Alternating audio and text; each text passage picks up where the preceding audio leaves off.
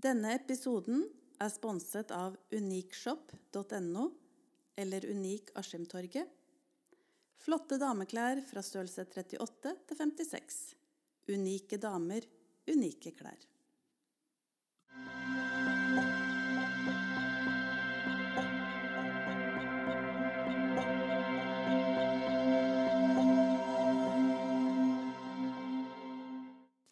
Mitt navn er Lilly Gjerstad Andersson.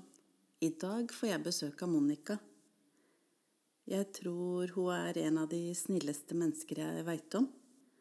Hun gjør alltid det lille ekstra for alle. Om det er som oppmann på håndballen eller med foreldregruppa, om det er en dugnad eller om det er naboen, så er jeg helt sikker på at hun viser det samme engasjementet.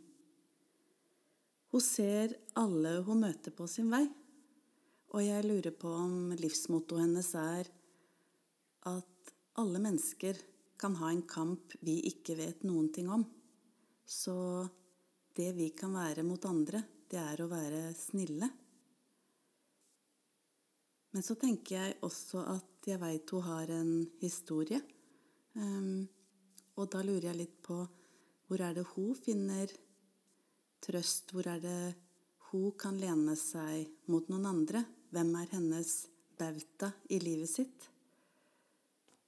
Så velkommen, Monica. Og vi kan bare starte litt der at du forteller litt hvem du er. Eh, ja, jeg er Monica, 47. Eh, gift og har to gutter på 18 og 21. Eh, opphavet mitt eh, er eh, de, de, møttes tidlig. Eh, mamma var 18 eh, og pappa var 17.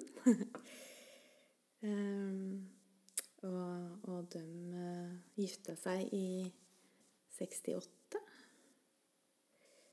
De bygde seg hus, og, og jeg var født og etterlengta har jeg blitt fortalt. Ehm, og jeg ble født inn i det jeg opplever som en trygg og god familie på begge kanter. Pappa hadde tre søsken og to foreldre, og mamma hadde to søstre og to foreldre. Så Og jeg var første barnebarnet på pappa sin side. Og, og på mammas side så hadde det bare født noen barnebarn, men jeg var like godt mottatt av den grunn. Ehm, jeg eh, Vi flyttet inn i hus som pappa og, og snekkere hadde starta med um, i Ja, vi flyttet i hvert fall inn om det var i slutten av 75 eller i starten av 76. Det er jeg litt usikker på. Um, og det, det, var en stor glede, eh, har jeg forstått.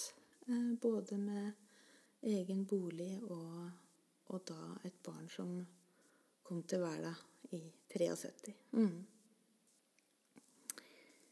Eh, det snudde ganske fort. For eh, i mars 76 så blir mamma akutt syk hjemme og, og dør i, i, en alder av 30 år. Hun eh, dør av hjerneblødning. Og, og dette skjer hjemme. Eh, ambulanse kom, men til ingen nytte. Og da står pappa igjen som enkemann og alenepappa. Um, og eh, er fortvila. Og jeg husker så godt han eh, Han var så eh, usikker på hvordan han skulle fortelle meg det. At, at mamma var borte. Og som han sa, jeg tror jeg fikk hjelp av høyere makter, sa han pappa. For han sa at jeg hadde svart at ja, men dette skal du og jeg klare, pappa. hadde jeg svart. Så det er litt rart. For jeg var tre år um, når mamma ble borte.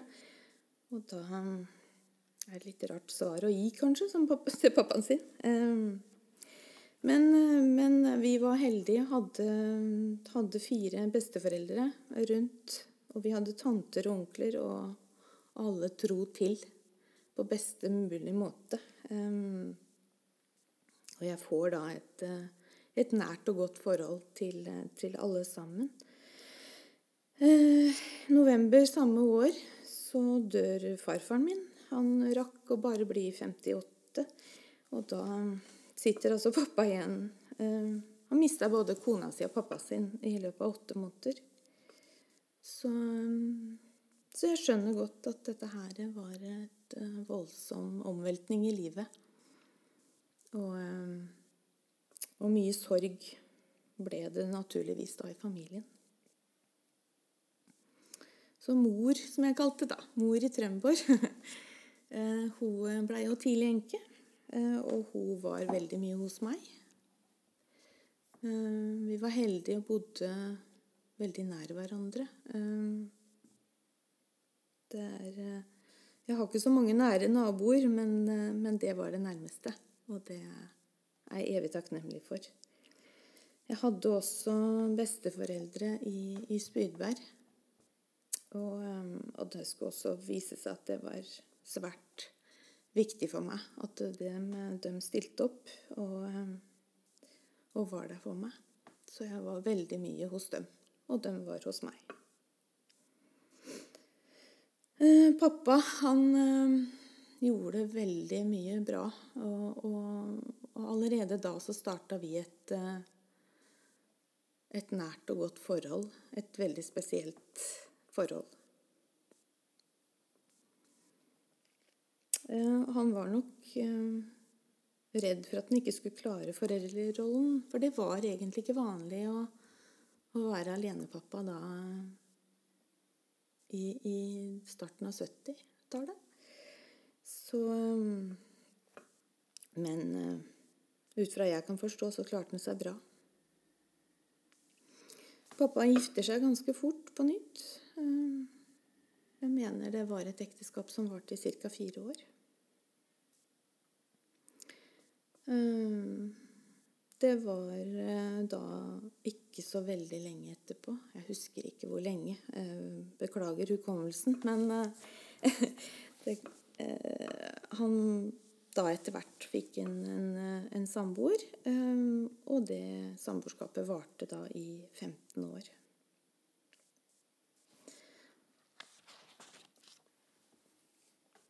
Pappaen min, han var en stødig kar for meg.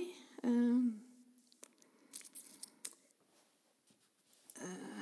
ja Han Han var en svært viktig person. jeg vet ikke helt hva jeg skal si. Men vi snakka om alt. Delte alt. Og det Eh, kunne nok eh, være rart for mange eh, at jeg hadde så nært forhold til pappaen min. Jeg tror nok jeg tidlig tok et, også et sånt type omsorgansvar også for pappa. Jeg så jo at han hadde det til tider mye vondt og hadde mye å bære på. Så vi delte, delte mye, pappa og jeg. Mm. Um, men um, allerede da i, i 88 um, Akkurat ferdig konfirmant og, og, høsten da, så, så møtte jeg Vegard. uh, sjekkereplikken min var Eh, jeg tror pappaen din kjenner pappaen min. Eh, og det skulle vise seg at det var helt riktig. For eh, min familie var svært musikalsk, og det var også familien til Vegard. Så, og de da hadde spilt og synget sammen i mange år. så de kjente hverandre. Så jeg var heldig å få bli, bli, sammen med Vegard og sjekke replikken den. den, den uh, satte sine spor. Um, og da, da, kom jeg inn og fikk en fantastisk svigerfamilie. Um, både en svigerinne og svigermor og svigerfar som, som også var fantastiske støttepersoner og ja, vi eh, var heldige og kunne gifte oss i, i 1997, i august. Noe vi gleda oss veldig til. Og en stolt og til dels vemodig pappa følger meg opp kirkegulvet. Og det var eh, Tidlig så sa han pappa da at jeg gleder meg. Og jeg håper jeg en gang skal oppleve å bli bestefar, husker jeg han sa han var jo ikke mer enn da 50 år sjøl og, og gleda seg til det. Um, jeg er enebarn sjøl, og, og, pappa har aldri lagt skjul på det at han har vært glad i barn. så, så, det skulle bli en, en, en, viktig ting for han i livet. Og det håpa jeg at jeg skulle få gjennomføre, jeg òg. Mm, at jeg skulle få, få det. Mm.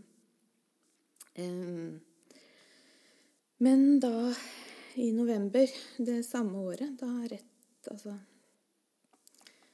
tre måneder etter vi gifta oss, så Så skjer ja, eh, Brått og uventa så dør også pappa.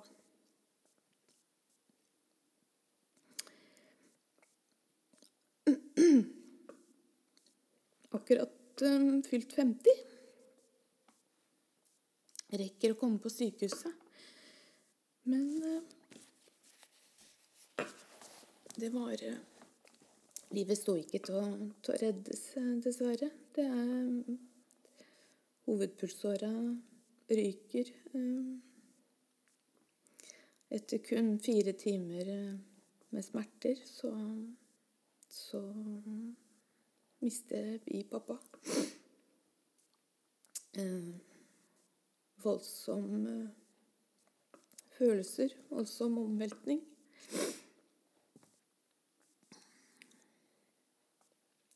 Og veldig sårt. En dag i dag. Um, ja. Men når du mister mammaen din så tidlig, mm. når du tenker tilbake nå, mm. eh, tenker du at du alltid savna en morsfigur, eller klarte besteforeldre, besteforeldre og pappaen din å fylle det rommet? Um,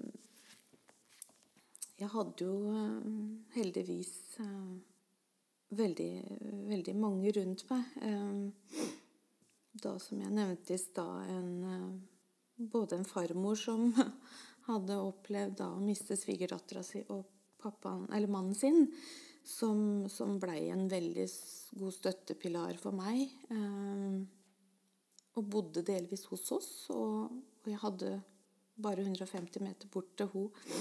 Så, så, så, der eh, fikk jeg mye, mye støtte. Og pappa, han gjorde virkelig så godt han kunne. Eh, og jeg hadde også tanter eh, og onkler eh, som, som støtta opp. Og, og, mor og far i Spydberg som, som også tok en fantastisk rolle i livet mitt. Og så hadde jeg da også, som jeg nevnte Pappa gifta seg og, og, og seinere hadde et samboerskap som også som, som, gjorde støtte i livet mitt. Mm. Uh, men det må nok være ærlig på det i forhold til Når man sammenligner seg med venner, da, og andre rundt, um, som hadde en, det man kan kalle en A4-familie så så jeg jo det at uh, den biologiske mammaen var det ingen som kunne erstatte. Um, Jeg fikk jo hele tida høre at jeg ligna på henne, og at det Ja. At det var mye, mye der, da. Og jeg skulle så gjerne ha sett det sjøl. um, men den eh, Jeg unner absolutt ingen andre å være i samme situasjon eh, som meg som barn. Men det var, det var helt den derre banale ting som morsdager, altså sånne ting som, som dukka opp da man hadde eh, ting på barneskolen eh, særlig, kanskje, som, eh, som man sammenligna seg da med, med venner. Ja. Eh, jeg husker at jeg kunne være litt sånn at man kunne godt fortelle at, at jeg ikke hadde en biologisk mor, men eh, Men eh, det var veldig sårt. Det var det. Jeg trodde kanskje ikke at noen andre hadde det sånn som meg. Jeg trodde kanskje jeg var den eneste, men det er jo, var jo ikke på langt nær det. Men eh, der og da så trodde jeg at jeg kunne kanskje være den eneste som hadde det sånn. Mm. Men kunne du være sint, rampete Eller lærer man seg da til å ta hensyn uten at det må være negativ hensyn, men at man ønsker så gjerne at pappa skal ha det godt, eh, besteforeldre skal ha det godt når man har opplevd eh, det dere har opplevd? Jeg kan nok ikke huske noe særlig at pappa og jeg heva stemmen. Det tror jeg ikke. Eh, og hvilken årsak det var, det kan jeg vel kanskje ikke si, for jeg kan ikke spørre han om det. Men eh, jeg tror nok at eh, jeg hele tida var i det moduset at jeg skulle gjøre det godt for pappa. Det husker jeg veldig godt, for jeg husker uansett hvor jeg skulle hen, om jeg skulle på Momarken med venninner, eller om jeg skulle være med noen til Sverige, eller så ville jeg alltid ha med meg noe hjem. Jeg ville alltid ha med meg noe hjem til pappa. um, så, så, så det var nok litt Det lå nok der hele tida at uh, at pappa skulle bli glad. og holde seg glad. Mm. Så vi snakka mye. Og vi trengte egentlig ikke å si så mye heller. Vi kunne se det på hverandre. Og jeg husker veldig godt Nå hopper jeg litt i tid her, Lill, men jeg husker veldig godt eh, når jeg var i starten av 20-åra, så var jeg på et arbeidsintervju. Og da fikk jeg et veldig utradisjonelt spørsmål, i hvert fall til den jobben jeg søkte. Eh, Da fikk jeg spørsmål om jeg hadde hatt noe ungdomsopprør. Det syns jeg var litt rart å få spørsmål om. Eh, Men de hadde sikkert sin begrunnelse for det, men det har jeg aldri hatt. Nei. Egentlig det jeg spurte Ja, om først. ja. Eller det var det jeg tenkte. Ja, det, ikke sant? Så der, eh, der måtte jeg gå litt i meg sjøl og tenke litt etter. Men det ungdomsopprøret, det har jeg aldri hatt. Det har jeg ikke. Nei. Det, så man kan hende jeg har undertrykt litt uh, følelser eh, rundt det. Det vet jeg ikke. Men jeg har aldri, aldri hatt behov for å verken skrike eller slå i dører, tror jeg. Nei. Og det må jo ikke være negativt. Og det må ikke være altså, det må ikke være en oppskrift på hvordan man skal gjøre det heller. Nei, Men nei. det handler jo om at man ønsker så gjerne at eh, familien skal holde sammen. Mm. som har allerede opplevd å miste noen, da. Mm. Ikke sant? Og det, du ser jo Altså, man Man sammenligner seg jo, som vi snakka om. Og da ser man jo gjerne sånn man hadde håpa det skulle være. Uh, Ja. Og det oppdager man jo ganske fort som barn, tror jeg. At uh, min familie er ikke helt sånn som, som din familie. Nei. Og så mister du da pappaen din brått. Uh, Mm. Han var 50. Ja, hadde akkurat fylt 50 da i august. Mm. Hva gjør det med deg som person? Eh, både at du mister begge brått. mm. eh, går man da inn i en sånn redsel, angst? Altså Begynner du å tenke på deg sjøl oppi dette her? At hvorfor mister jeg begge foreldrene mine? Ja, ikke sant. Um, jeg går nok inn i en prosess da etter hvert. Um, og særlig da når jeg nærmer meg 30. Uh, mamma dør når jeg var tre, og hun sjøl hadde akkurat fylt 30. Um, og den prosessen jeg kommer inn i da, den, eh, den var ganske vond. For da jeg var nok Det var så konkret at jeg Jeg sto og hang opp ei klesvask, husker jeg, ute. Og så tenkte jeg um, Er det noen vits i at jeg henger dette opp? For jeg skal jo ikke ta det ned. Um, så den, den, den kjente da, da hadde jeg akkurat fylt 30 sjøl. Så tenkte jeg at uh, da er det litt rart hvis, det, hvis jeg også skal overleve det her. Um, og, og sånn, Det har jo én ting med, med, det med følelser og hva man kjenner på sjøl, men det er jo klart at det er jo en genetikk her som, som jeg må ta hensyn til. Um, for vi har dessverre ingen høy levealder, um, særlig på farssiden, som, som, jeg må ta hensyn til og følges opp da, med. fordi at uh, For et år siden så mistet jeg også en tante av samme diagnose som pappa døde av, som da har uh, gitt meg litt ekstra tanker uh, rundt det å, å, kanskje miste livet. Uh, men også det med at man faktisk uh, Det er viktig å bli fulgt opp av helsevesenet. Mm. Så det er ikke til å komme fra det at når man har to foreldre som har dødd så tidlig, og har begge av karsykdommer, da, så, så, gjør man seg jo noen tanker rundt det. Mm. Det er det er helt klart. Da gjelder det å bruke livet for det det er verdt. Ja. Og hvis vi skal gå litt inn på det, da. Ja. Eh, fordi jeg starter jo med å si at du er eh, en av de snilleste jeg veit om. Og jeg har ikke kjent deg i så mange år, men eh, jeg, har sett, Tusen takk. jeg har sett hva du gjør for andre. Mm. er det et valg du tar, eller er det sånn du har blitt?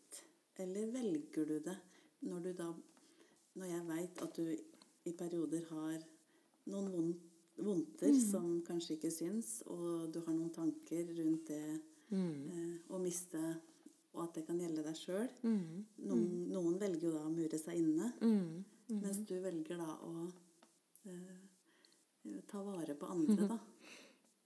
Ja Jeg Det er vanskelige spørsmål, Lill. Um, om jeg har blitt sånn, eller jo Hvordan jeg Jeg har, har nå i hvert fall tenkt at I og med at jeg har vært så heldig, da, å, å ha en, en stødig kjæreste og mann, og vært så heldig å få to barn,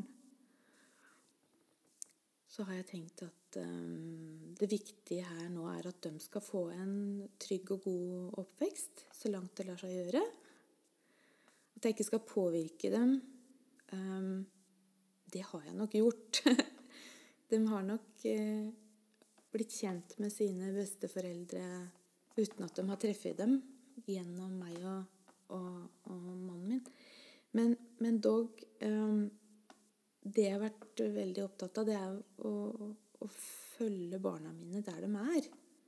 Og jeg kan godt kanskje bli for mye det òg. Eh, og så har jeg vært så heldig at også Vegard har ønska det. Så vi har, uh, har bidratt på, på, hver vår måte opp mot det de har drevet med eh, opp gjennom åra. Eh, og så har jeg vel en sånn ikke, kanskje, kan vel kanskje ikke kalle det filosofi, men jeg har nå tenkt at um, jeg som barn som mista mine, og det var ganske trist og mye sorg i familien, så, så har jeg tenkt at um, hvorfor um, Hvorfor var det ikke noen som kom og spurte hvordan jeg hadde det? Og det var det nok mange i familien som gjorde. Men det var ikke vanlig da at det kom inn en Kall det en profesjonell, da. Og kom og spurte om hvordan jeg hadde det. Så det syns jeg er veldig viktig. At barn skal bli hørt. Eh, og barn skal bli sett. Og så skal du spørre hvordan de har det. Og du skal ta på dem. Gi dem en liten oppå skuldra, bare sånn et lite Og så skal du kunne navnet deres. og så skal du, skal du bry deg om Det syns jeg er viktig. Og det har nok kanskje prega meg da i den i den perioden da etter at jeg fikk barn. Og har da vært så heldig at jeg har fått være i forskjellige roller både på skole og fritidsaktiviteter med det, det gutta har drevet med. Og det har vært en berikelse å få lov til å ta del i det de har gjort, og ta del i det å bli kjent med alle de de har rundt seg. Tenk så mange det er å bli glad i. Mm. og, og, føle at man betyr noe for dem. Ja. Mm. At jeg kunne gjøre en forskjell mm. for noen. Og det har jo jeg sett at ja. Men at det bare det å, å møte blikk og si hei og mm. ja, spørre hvordan de har det. Mm. Men jeg har aldri opplevd en oppmann, da, sånn som jeg har sett deg, som har kommet med um, kringle med Den er veldig god. og med baguetter med mm. frukt. Og det er liksom det samme om de er 15 eller 30, noen av dem som har mm. vært der uh, hvis jeg har vært på herrelaget. Og du har mm. liksom passa på alle. Og kanskje det viktigste, da, passa på dem som du har sett har hatt en litt uh, dårlig dag. Så har du skjønt at uh, det er ikke fordi de er noen uh, dårlige gutter eller jenter. Det er for at da er det noe mm. som ikke er helt som det skal. Mm. Uh, å bli sett av en voksen da er jo mm. veldig, veldig viktig. Mm. Og jeg tenker at uh, omsorg har ingen aldersgrense. Nei. Uansett hvilken alder du er i, så trenger du den omsorgen. Og selv om du har god omsorg hjemme, så allikevel Det er hyggelig å bli møtt av noen andre òg som viser omsorg. Og så kanskje det er den eneste du har snakka med i løpet av dagen. Eller eh, Nei, vet du hva, det, det, er så givende det å kunne bli kjent med barn og ungdom. Og jeg har vært heldig da, som du sier, å få være rundt eldre voksne mennesker også. Um, og det også er i tråd i forhold til jobben min. Eh, det å, å kunne møte mennesker der de er. Og det er jo det er jo nesten så jeg får frysninger, Lill, når du sier det der at jeg er opptatt av, at den eh, kampen som hver enkelt står i. Og den ser vi ikke, og det er ikke å forvente. Men vi må ha respekt, tenker jeg. Vi må ha veldig respekt for hver enkelt og hver For hver enkelt kjemper sin kamp. Og det er veldig viktig for den som står midt i det. Så, så tenker jeg da skal vi ha respekt for det. Uh, uansett hva jeg sjøl bærer på. Så kan jeg heller dra det til nytte og til lærdom. Og så Sånn lærer vi også bli en menneskekjenner, tror jeg. Mm. Og ta vare på andre. Ja, Hvis vi har respekt overfor andre. Mm. Jeg vil litt tilbake til det at du mister mammaen din så tidlig. Mm. Og vi snakker jo nå en del år tilbake. Ja, ja. Så vi håper jo at noe har skjedd i forhold til det at hvem er det mm. som kan bidra. Mm. Og selvfølgelig, familie Ja. er noe av det viktigste. Mm. Men så tror jeg også på det at det er så viktig at man får en, en annen profesjonell som kanskje må inn og Mm. Veilede, eller bare vise at man er der og tåler eh, det Mm. barnet som står der med alle følelser, med alle tanker. Som man kanskje skåner de nærmeste for, da. Ja, ja. Ikke sant? Fordi at eh, sånn sett i etterkant, da, så skulle jeg ønske at det var en automatikk i det, på en måte. At, det- at det her må det inn og, og bistå med litt eh, tanker og samtaler og, og sånne ting. Eh, og det håper jeg, som du sier, i og med at dette her var i 76, så er jo det, snakker vi om mange år. Jeg håper at det har kommet eh, en bit videre der. Um, fordi eh, det følelsesspekteret og, og alt det som en treåring som jeg var da, opplevde. Og jeg da allerede da begynte å ta hensyn da eh, til eh, først og fremst pappa. eh, fordi jeg så jo hvor vondt han hadde det. Eh, og, og var jeg hos besteforeldre, så Jeg var jo meg sjøl, men samtidig så var jeg jo også på en måte en støttespiller, da kanskje. jeg vet ikke, men Men eh, jeg fikk enorm god omsorg fra familiemedlemmer. Men det å kunne prate med noen kanskje uten å ta det hensynet, som du sier, eh, litt i forhold til at, eh, at man bare kunne være seg sjøl, det tror jeg, tror jeg faktisk hadde vært nyttig. Eh, Få utløp for følelser og, og sånn der. Det tror jeg hadde vært, hadde vært viktig den gangen. For barn har, har mye følelser og mye på hjertet som, som er viktig å høre på. Mm. Og så er det jo de vi kanskje ser for hjelp, er jo de som høres, eller eh, lager uro, eller Og så ser ikke jeg for meg at du var den som heller lagde noe uro i den når du begynte på skole, og man ja, kunne tatt den samtalen. For jeg vil se for meg at du var heller den flinke, stille jenta. Eh, ja, det liker jeg vel å tro sjøl òg. Eh, det er det kanskje sikkert noen andre som kan eh, fortelle noe om hvordan jeg var. Men eh, barneskoletida i hvert fall var prega av gode venner og trygge forhold på en liten grendeskole som jeg gikk på. Og, og jeg tror vel ikke at jeg lagde så mye bråk ut av meg. Det som var, det var at jeg var en del Allerede da begynte å bli en del sjuk. Veldig mye hodepine og sånne ting. Og, og fikk eh, konstatert eh, hjerne, nei, epilepsi. Eh, og, og hadde da hadde da veldig mye eh, timer egentlig inne på lærerværelset. Og da lurer jeg litt på hva var den Var det kanskje tryggheten? At jeg, jeg hadde behov for at noen skulle se meg eller høre meg. Vet ikke. Det er kanskje bare noe jeg begynte å, å tenke på i etterkant. Men, men eh, det var jo ikke Jeg, jeg leika jo ikke at jeg hadde smerter. Smertene var der. Men eh, det som fulgte med da, det var jo at jeg fikk eh, en annen type omsorg òg. Mm. På skolen. Og det kan godt hende at det var et, eh, et resultat av eh, også både sykdom og at jeg trengte det. Mhm. Så eh, jeg veit ikke, men det, det kan jo være det.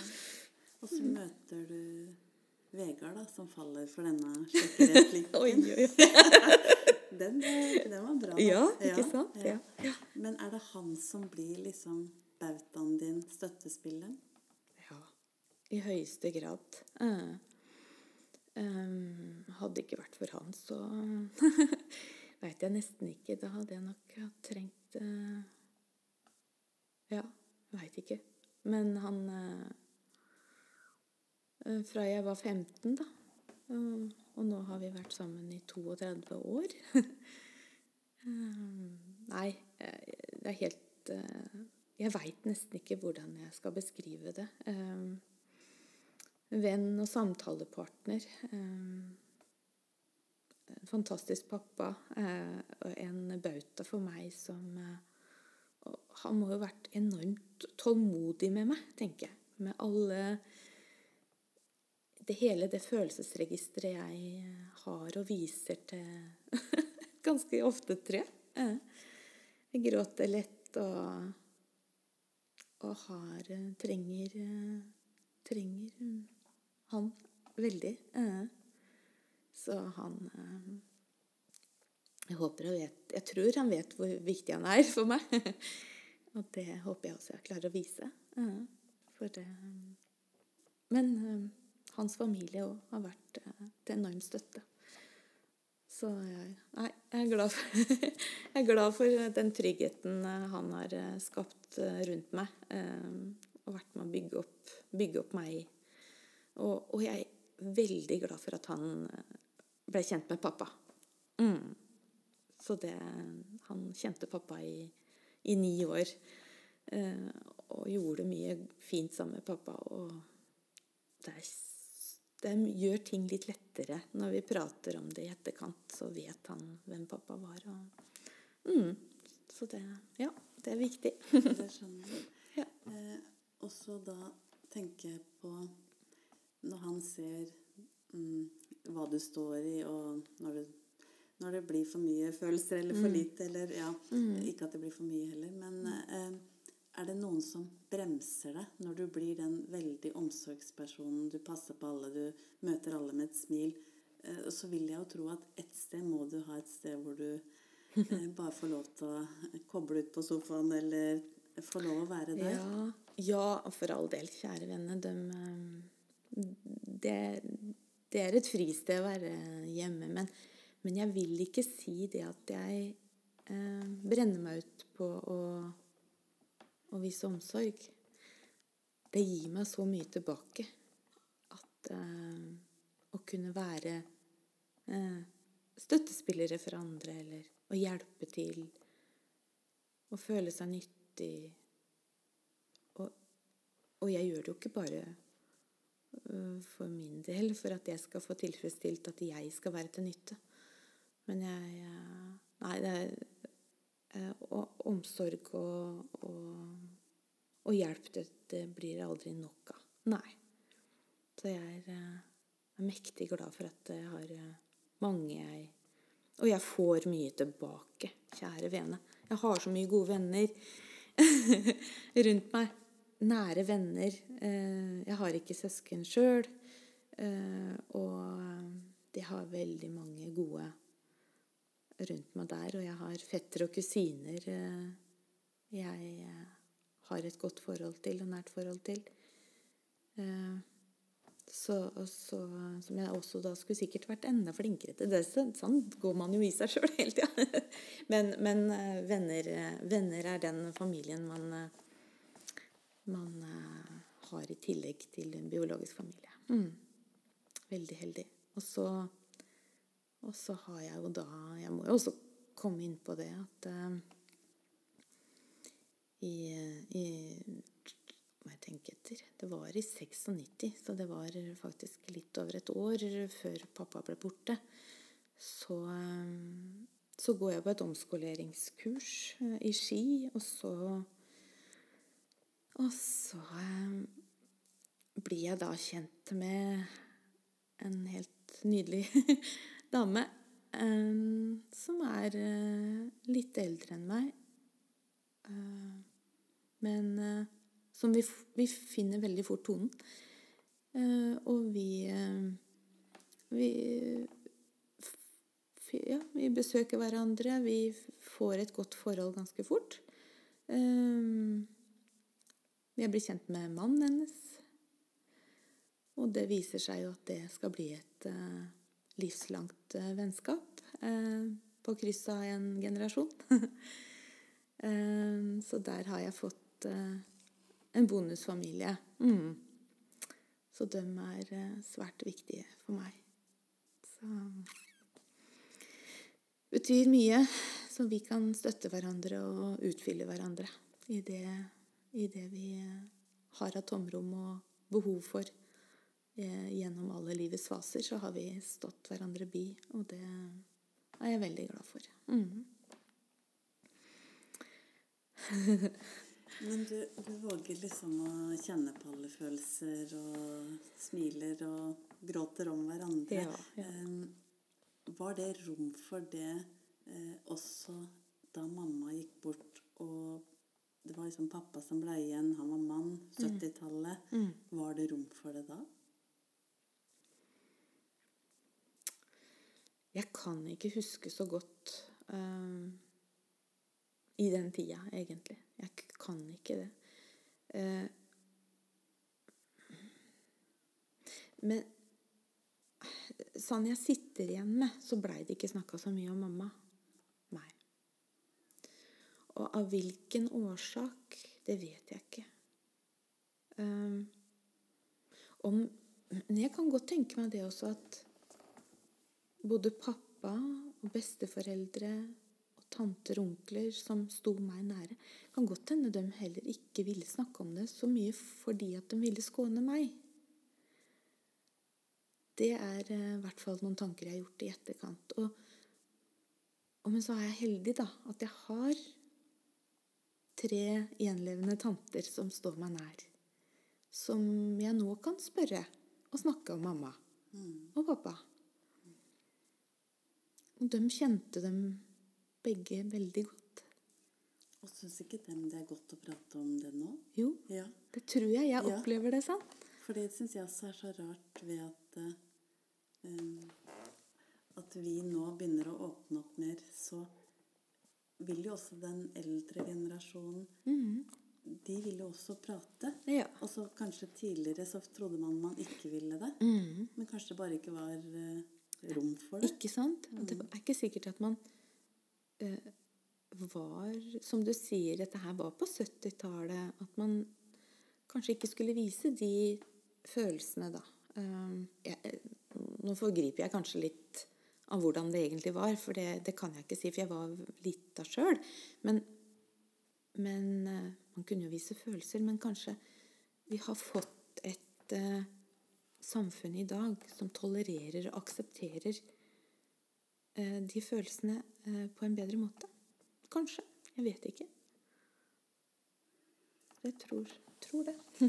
Og så vil jeg liksom sånn Avslutningsvis så syns jeg det er veldig, veldig rart, da. Når jeg har lest inn eh, introduksjonen til at du kommer, eh, hvor jeg da tar fram eh, det jeg har hørt om det at alle kjemper en kamp eh, som møter med å være god, eller raushet. Eh, og så er det akkurat det du har notert deg Ja. som sånn eh, Ja. ja, og jeg tenkte, er det livsmottoet ditt? Altså, Ja. altså, og jeg har ingen sånne Nei. sanser heller, men eh, Det, det, det var helt rart. Ja. Eh, Jeg, jeg begynte å Jeg fikk eh, skikkelig frysninger, Lill, når du forteller For det du har gjort, det, å, å, å lage den introen, det hadde du gjort før jeg kom til deg. ja, det var det som Ja. var veldig rart. Ja.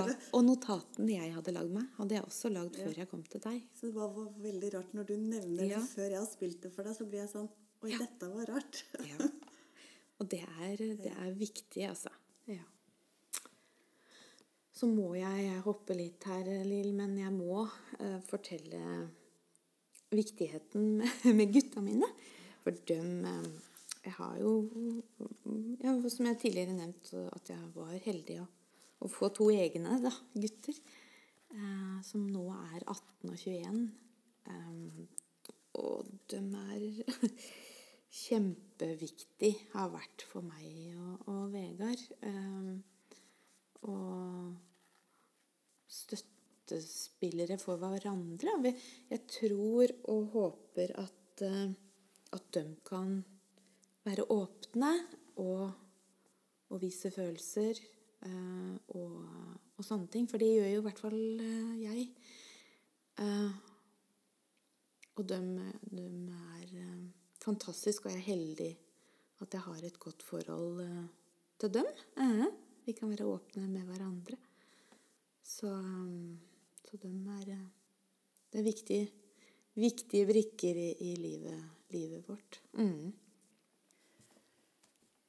Ja, vi trenger jo på en måte alltid å kunne overøse denne omsorgen til noen, og særlig til ungene våre. Men når vi også kan gjøre det til noen flere, da, Ja. så er det liksom bonus. ja. Og jeg må bare si tusen takk for at du mm, har våga å dele og prate om eh, både vanskelige og gode ting. Eh, Takk for at jeg blir spurt. Ja. Mhm. Eh, Så jeg har lyst til å gi deg et kort som du som er et sånn hjertefredkort. eh, hvor du kan velge om du vil skrive et kort til noen du tenker du har lyst til å si noe hyggelig til, eller ta vare på deg sjøl. eh, boka mi, den veit Den har jeg. Ja. Men du kan gi til noen å, som ja. du tenker eh, kan lese den. ja. Det vet jeg allerede. Ja. Og så er det et eh, sted hvor du kan tenne et telys, og så står det 'alt kommer til å gå bra'. Kanskje flåsete når jeg veit du lever med en uro, en tanke på at livet ikke alltid går bra. Men tenk på alle du gjør noe bra for. Og så går det bra Ja. i lange perioder. Ja, og det er, det, det er jo det man lever for, Ja. tenker jeg. Man har, har mye godt rundt seg. Og det er jeg også veldig heldig som har. Eh, Jeg er superheldig. Ja. At du kan hjelpe noen. Da. Ja, Ja. ja, vet du hva? Og i den forbindelse, Lill, så tror jeg nesten jeg må nevne at eh, eh, jeg hadde en, en tante eh, som var eh, mye syk, som vi bisto gjennom eh, I hvert fall i slutten på livet hennes. Eh, hun ble borte dessverre i, i 2003. Hun hadde en samboer som, som verken hadde foreldre, søsken, barn Ingen rundt seg annet enn oss. eh, Og vi var eh, heldige som kunne ta del i hans liv. eh, På godt og vondt. Og når da min biologiske tante faller fra, så, så får jeg et spørsmål om min og min tantes Altså vi som sto dem nære, da. Med, med min gjenlevende tante, som jeg står veldig nær, og, og meg, om vår rolle eh, til han etter at eh, min biologiske tante gikk bort. Eh, og det syns jeg nesten var et veldig rart spørsmål, fordi at eh, det falt seg helt naturlig å, å fortsatt ta vare på han, og være rundt han. Eh, og da får jeg et sånt eh, spørsmål tilbake om ja, tror du at du skal klare å redde alle? Ta vare på alle? Og det tror jeg overhodet ikke. Men jeg tenker at hvis hver en av oss kunne se én i tillegg til sine aller nærmeste, eh, så har vi i hvert fall kunnet bistå litt. Eh, Og i enkelte tilfeller så er det kanskje nok til å, til å gjøre en bedre hverdag for det mennesket. Mhm. Og det tenker jeg er gode ord å avslutte med. Mm. Så takk for eh, en god samtale. Takk i like måte.